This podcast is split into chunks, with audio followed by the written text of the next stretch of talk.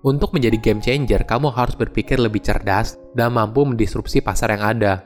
Jangan hanya lebih baik 10% dari pesaingmu, tapi kamu harus 10 kali lebih hebat. Halo semuanya, nama saya Michael. Selamat datang di channel saya, Sikutu Buku. Kali ini saya akan bahas buku Game Changers karya Peter Fish. Sebelum kita mulai, buat kalian yang mau support channel ini agar terus berkarya, caranya gampang banget kalian cukup klik subscribe dan nyalakan loncengnya. Dukungan kalian membantu banget supaya kita bisa rutin posting dan bersama-sama belajar di channel ini. Buku ini membahas bagaimana sebuah bisnis baru bisa mengubah dunia. Peter menyebutnya sebagai game changers. Perusahaan yang masuk dalam kategori ini berpikir dan menjalankan bisnis yang berbeda dengan kompetitornya.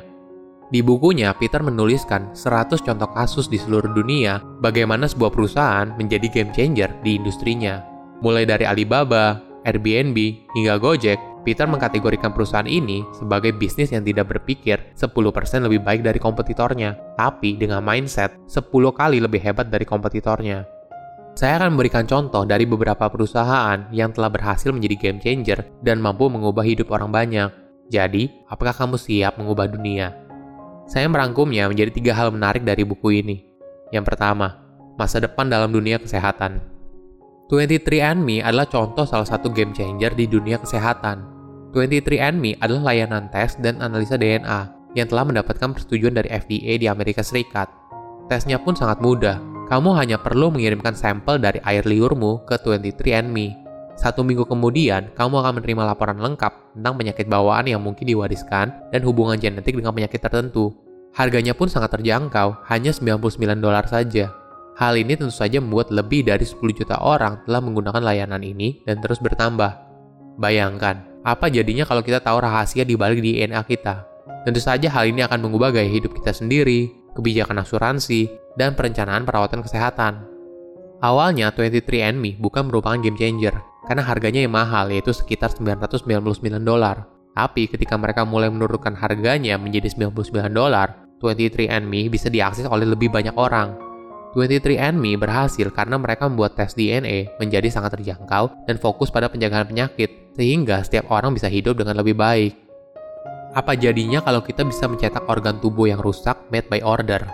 Itulah yang dilakukan oleh Organovo, perusahaan bioteknologi yang mampu membuat organ dengan teknologi 3D printing. Organovo bisa membuat organ mulai dari jaringan otot baru, hati, ginjal, bahkan hingga mata Tentu saja, kita tahu mencari donor untuk organ tubuh memang tidak mudah. Selain stoknya yang sangat terbatas, hal lain yang harus diperhatikan adalah kesesuaian organ baru dengan tubuh yang akan ditransplantasikan. Namun dengan teknologi ini, Organovo dapat membuat organ yang made by order untuk memastikan seseorang mendapatkan organ yang mereka butuhkan. Tentu saja ini masih dalam tahap pengembangan, tapi siapa tahu, dalam 10 tahun ke depan, teknologi ini menjadi hal yang umum dan bisa membantu banyak orang. Kedua, makanan di masa depan. Populasi manusia yang semakin meningkat membutuhkan ketersediaan bahan pokok yang semakin banyak.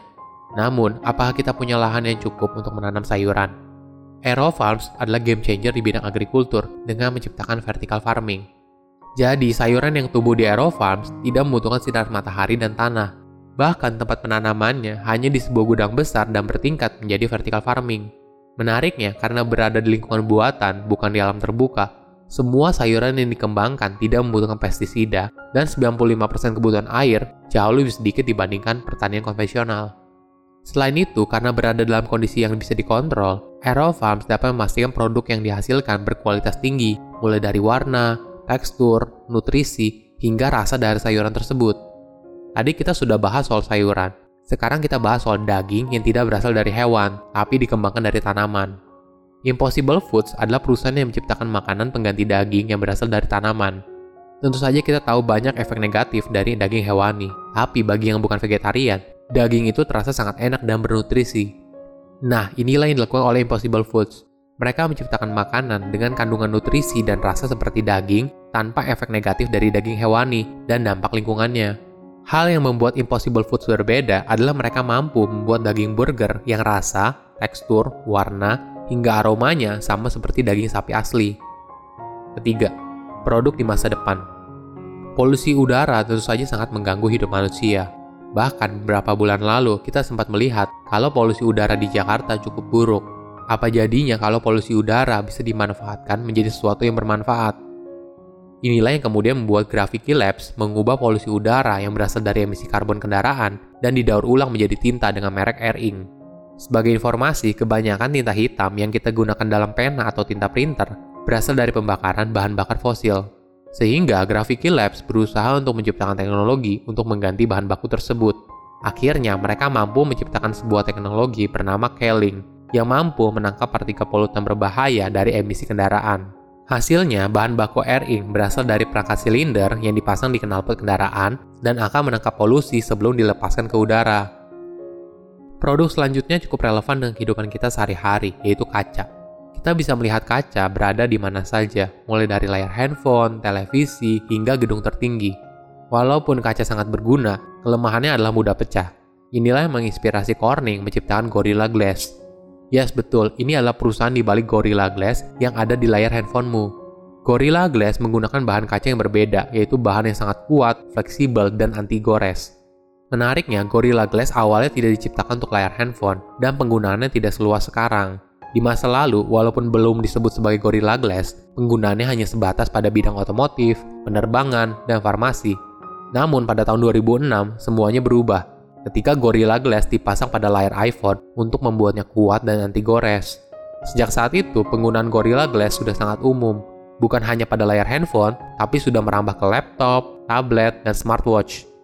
Untuk menjadi game changer, kamu harus berpikir lebih cerdas dan mampu mendisrupsi pasar yang ada. Jangan hanya lebih baik 10% dari pesaingmu, tapi kamu harus 10 kali lebih hebat. Silahkan komen di kolom komentar pelajaran apa yang kalian dapat ketika baca buku ini. Selain itu, komen juga mau buku apa lagi yang saya review di video berikutnya. Saya undur diri, jangan lupa subscribe channel YouTube Sikutu Buku. Bye bye.